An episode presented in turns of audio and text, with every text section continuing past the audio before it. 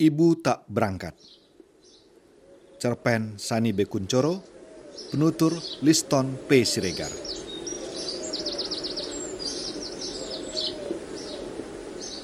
Kau sedang berada di pekarangan rumah ibu, sebuah tempat yang paling kau suka setiap kali kembali ke rumah itu.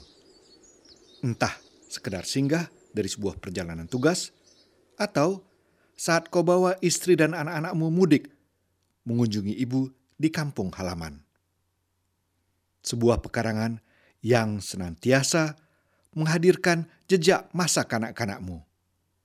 Membelah kenangan menjadi penggalan-penggalan yang setiap irisannya membawamu kembali menelusuri perjalanan masa silam yang seakan terperangkap di pekarangan itu seakan tak ada yang benar-benar berubah di sana. Lihatlah, pohon ketapang yang rantingnya bercabang menjalar ke empat arah, tetap tegak di sudut barat daya pekarangan. Helai-helai daunnya yang lebar, sebagian berwarna merah saga, adalah daun dengan merah yang sama, yang dulu sesekali menjatuhimu saat kau bermain gundu di keteduhan pohon itu. Kau tak lagi main gundu sekarang. Keahlian meluncurkan bola kaca kecil itu menghantam gundu lawan-lawanmu telah hilang darimu. Tak lagi luas jemarimu mengarahkannya serupa peluru. Kini kau kembali berada di keteduhan pohon ketapang itu sembari menikmati koran pagi dan secangkir teh hangatmu yang mulai dingin. Lalu kau dengar sesuatu. Berapa ongkos naik haji sekarang? Ibumu bertanya. Ringan, nada katanya. Serupa pertanyaan yang diucapkan sambil lalu. Apalagi karena ibu melakukannya sembari napeni menyingkirkan kulit gabah dan kerikil yang terbawa butiran beras. Entahlah, barangkali sekitar kau sebutkan sejumlah angka perkiraan. Benar, sejumlah itu. Ibumu mendadak antusias. Dihentikannya gerak mengayun tampah. Ibu ingin berangkat. Kau mendadak berdebar dengan pertanyaan itu. Pertanyaan yang membawamu pada satu kalkulasi perhitungan, dan pertimbangan ini itu. Tentu saja siapa yang tidak, kata ibu. Allah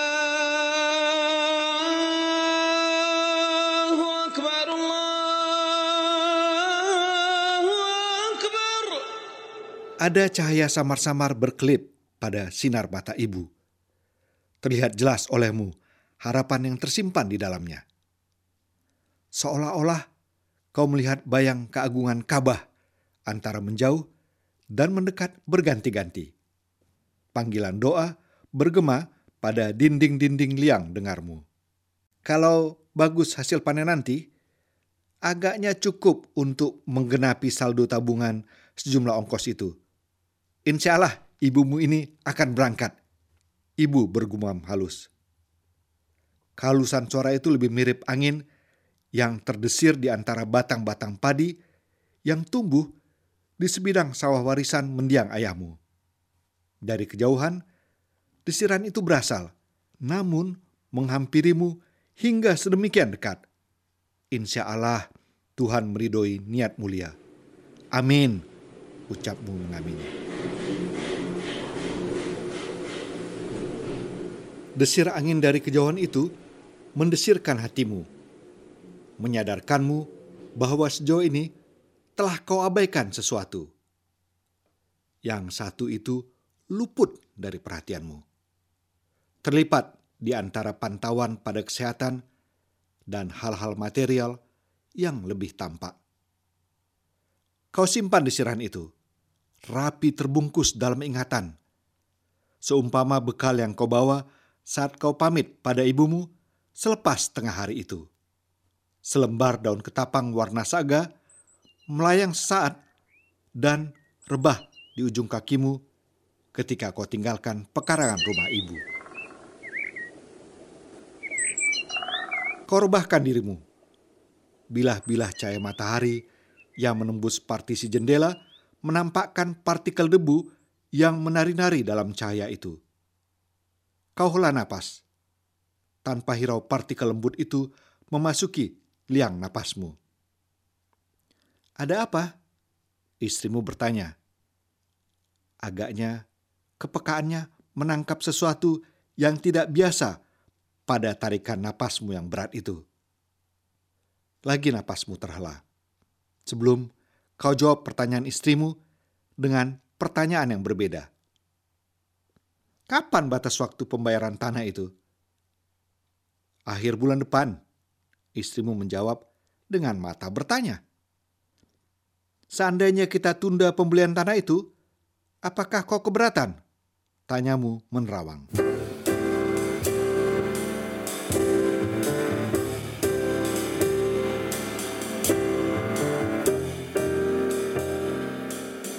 Teringat olehmu saat pertama kali menemukan sebidang tanah itu. Dengan sepeda, kau telusuri jalan desa, sebuah rute yang tak kau rencanakan. Saat itu kau hanya bosan dengan rute yang biasa kau lalui. Jarak tempuh dan situasi perjalanannya tidak lagi memberikan tantangan karena medan itu telah kau kuasai. Tak lagi terpicu sama sekali adrenalin di dalam dirimu saat menaklukkan tanjakan-tanjakannya. Maka pagi itu kau arahkan sepedamu tanpa rancangan sebuah arah. Kau hanya mengayuh seakan membiarkan kemudi sepeda mencari arahnya sendiri. Berbelok acuh saat melalui persimpangan, menambah kecepatan di jalur lurus, dan terengah saat melalui tanjakan. Dan kau temukan sebidang tanah di ujung atau sesungguhnya kau tersesat? Tanpa pertimbangan, kau memilih sebuah jalan kampung. Lambat roda sepedamu menggelinding menelusuri jalan tanah yang membelah ladang tembakau. Lalu kau berhenti. Tak ada lagi jalan setapak setelah itu. Baru saja kau memutar balik arah sepedamu ketika seorang menghampirimu menyangka kau tertarik dengan sebidang tanah yang akan dijualnya. Maka kau pun terperangkap untuk berbahasa basi. Namun ternyata tanah berilalang itu mengikat hatimu. Letaknya di ujung, konturnya agak menanjak, berseberangan dengan ladang tembakau. Luasnya 200 meter, harganya bisa dinegosiasi. Kau jelaskan dengan antusias pada istrimu antusiasme yang bernada bujukan. Tabungan kita cukup untuk melunasinya. Iya, tapi sudah itu kita tak punya tabungan lagi, kata istrimu bimbang. Tentu akan ada rejeki lagi. Bisnis tak berhenti. Pastilah rejeki tersedia bagi para pencarinya. Katamu sepenuh keyakinan yang dengan segera menghentikan kebimbangan istrimu. Tersimpan dalam ingatanmu semburat yang meronai paras istrimu. Antara takjub dan angan yang melambung saat kalian meninjau tanah itu. Apakah setuju bila menjadikannya sebagai rumah akhir pekan? Begitu istrimu berkata di antara gelembung-gelembung harapannya. Kita bagi lahan ini jadi dua. 100 meter untuk koleksi tanamanmu, selebihnya untuk ruang baca dan buku-buku pembagian yang adil. Tentu kau setuju. Dan bertemulah kalian dengan pemilik lahan untuk bernegosiasi.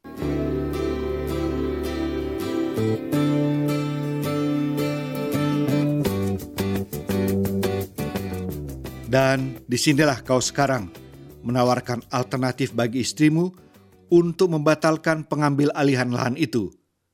Justru setelah negosiasi harga dengan pemiliknya, berhasil tersepakati. Mengapa? Kau dengar lirih suara istrimu. Kau berpaling, tak hendak menatap mata istrimu. Ah, tepatnya tak sanggup. karena kau tahu akan mendapati luruhnya angan yang telah melangit. Angan yang kau lambungkan, dan kini kau hempaskan pula. Ibu ingin naik haji. Kupikir itu sebuah keinginan yang layak diprioritaskan. Nada katamu hati-hati. Kehati-hatian yang kau lakukan demi supaya tidak mengesankan bahwa kau mengutamakan seseorang daripada yang lain, apalagi mengesampingkan yang satu dari lainnya. Kalau demi ibadah itu, ya tentu aku setuju, seru istrimu. Dan kau terkejut mendapati tiadanya sirat kekecewaan pada suara itu. Bahkan suara itu lebih serupa seruan yang menyatakan kelegaan. Ibadah perjalanan menuju rumah Allah tentulah lebih utama dari rumah mana pun. Apalagi ibadah seorang ibu. Rumah akhir pekan kita bisa menunggu. Sungguh, kau bertanya meyakinkan. Istrimu mengangguk. Seperti yang kau katakan, rejeki akan tersedia bagi para pencarinya. Pastilah Allah Ta'ala menyediakan rejeki bagi mereka yang ikhlas demi bakti pada ibunya. Bukankah begitu?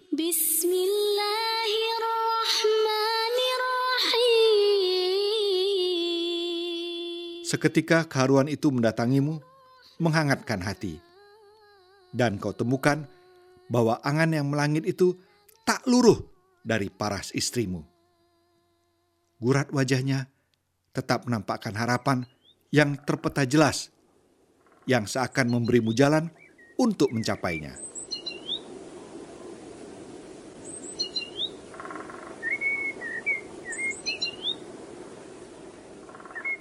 Pagi menjelang siang, saat telepon yang mengejutkan. Ibu tak berangkat, kau dengar ibumu berkata. Tak begitu bagus sambungan telepon itu, sehingga seakan-akan suara itu terdengar dari kejauhan. Nyaris sayup, namun tertangkap olehmu getar yang menyertainya. Mengapa, Bu? Apakah terjadi sesuatu? Kau tak mampu menutupi rasa terkejut terpadu khawatir dalam dirimu. Ada peraturan baru yang tak mengizinkan calon haji perempuan berusia 65 tahun untuk berangkat. Melirih suara ibu. Akhir tahun lalu, usia ibu sudah menjelang 70. Sesuatu menikam hulu jantungmu. Kau tercekat. Lirih suara itu, kau tahu bukan karena berasal dari kejauhan sekian ribu kilometer darimu melainkan karena luruhnya harapan yang tersimpan di dalam diri ibumu.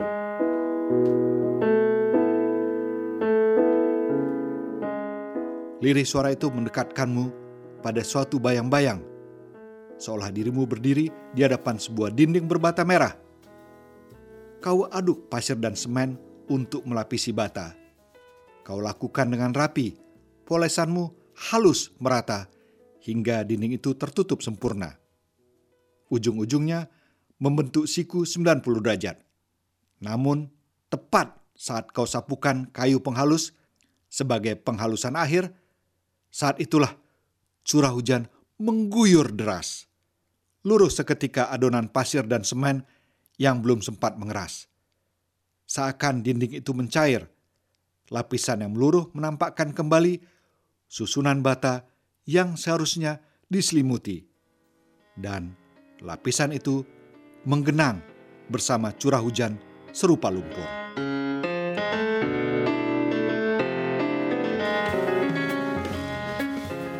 Demikianlah harapan itu luruh. Tidak hanya di dalam diri ibumu, melainkan juga di dalam dirimu. Pemerintah Arab Saudi telah menetapkan untuk tidak menerima calon haji perempuan yang telah berusia 65 tahun. Begitulah ketika negara mengambil alih hak seseorang untuk beribadah dan menjadikan prosesi ibadah sebagai monopoli sebuah negara. Ibu, maaf, tak selesai kalimatmu yang terucap dengan bergetar itu. Sedemikian sak dadamu terhimpit beban penyesalan yang menghampirimu seketika. Tidak apa-apa, kalau belum ada ridho Allah untuk niat ibadah kali ini, barangkali karena Allah memiliki rencana lain. Ibu ikhlas.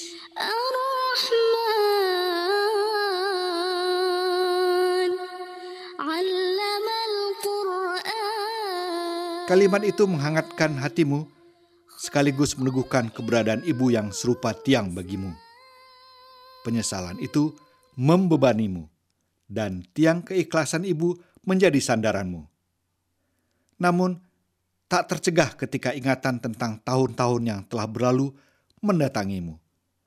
Tahun-tahun berisi kesempatan-kesempatan yang telah kau lewatkan tanpa usaha yang cukup berarti untuk memberangkatkan ibu dalam perjalanan ibadah mengunjungi rumah Allah. Tahun-tahun yang tak akan pernah kembali.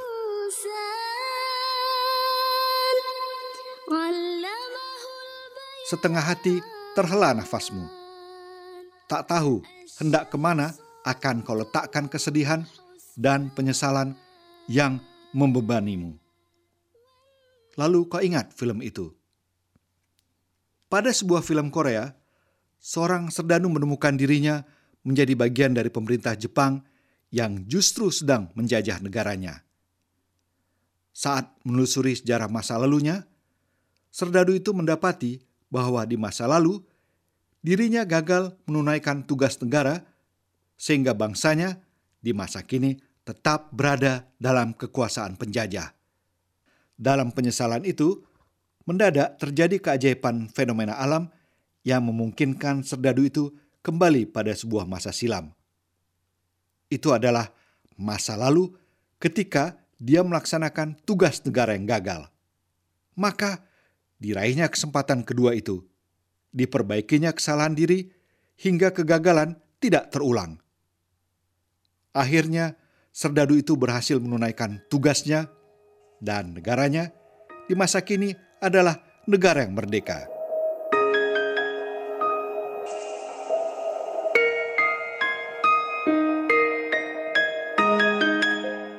Di kemudian masa, anak-anak bangsa itu mengenang Serdadu itu sebagai seorang pahlawan yang gugur demi kemerdekaan negara. Gambar dirinya terpajang di museum dan kisahnya menjadi tauladan kepahlawanan yang dituturkan dari satu generasi ke generasi berikutnya. Itu film. Di kehidupan nyata, akankah kau temukan terulangnya sebuah peluang untuk menebus kealpaan masa lalu? Akankah kesempatan yang terlewat itu kembali hingga kau bisa memberangkatkan ibumu menunaikan perjalanan ibadah mengunjungi rumah Allah sebelum usia 65 tahun?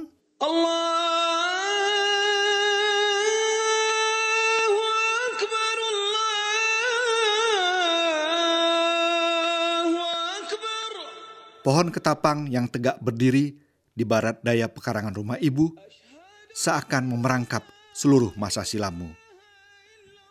Tahun berlalu sementara. Gugur daun merah saganya, silih berganti dengan tunas daun baru hingga kini.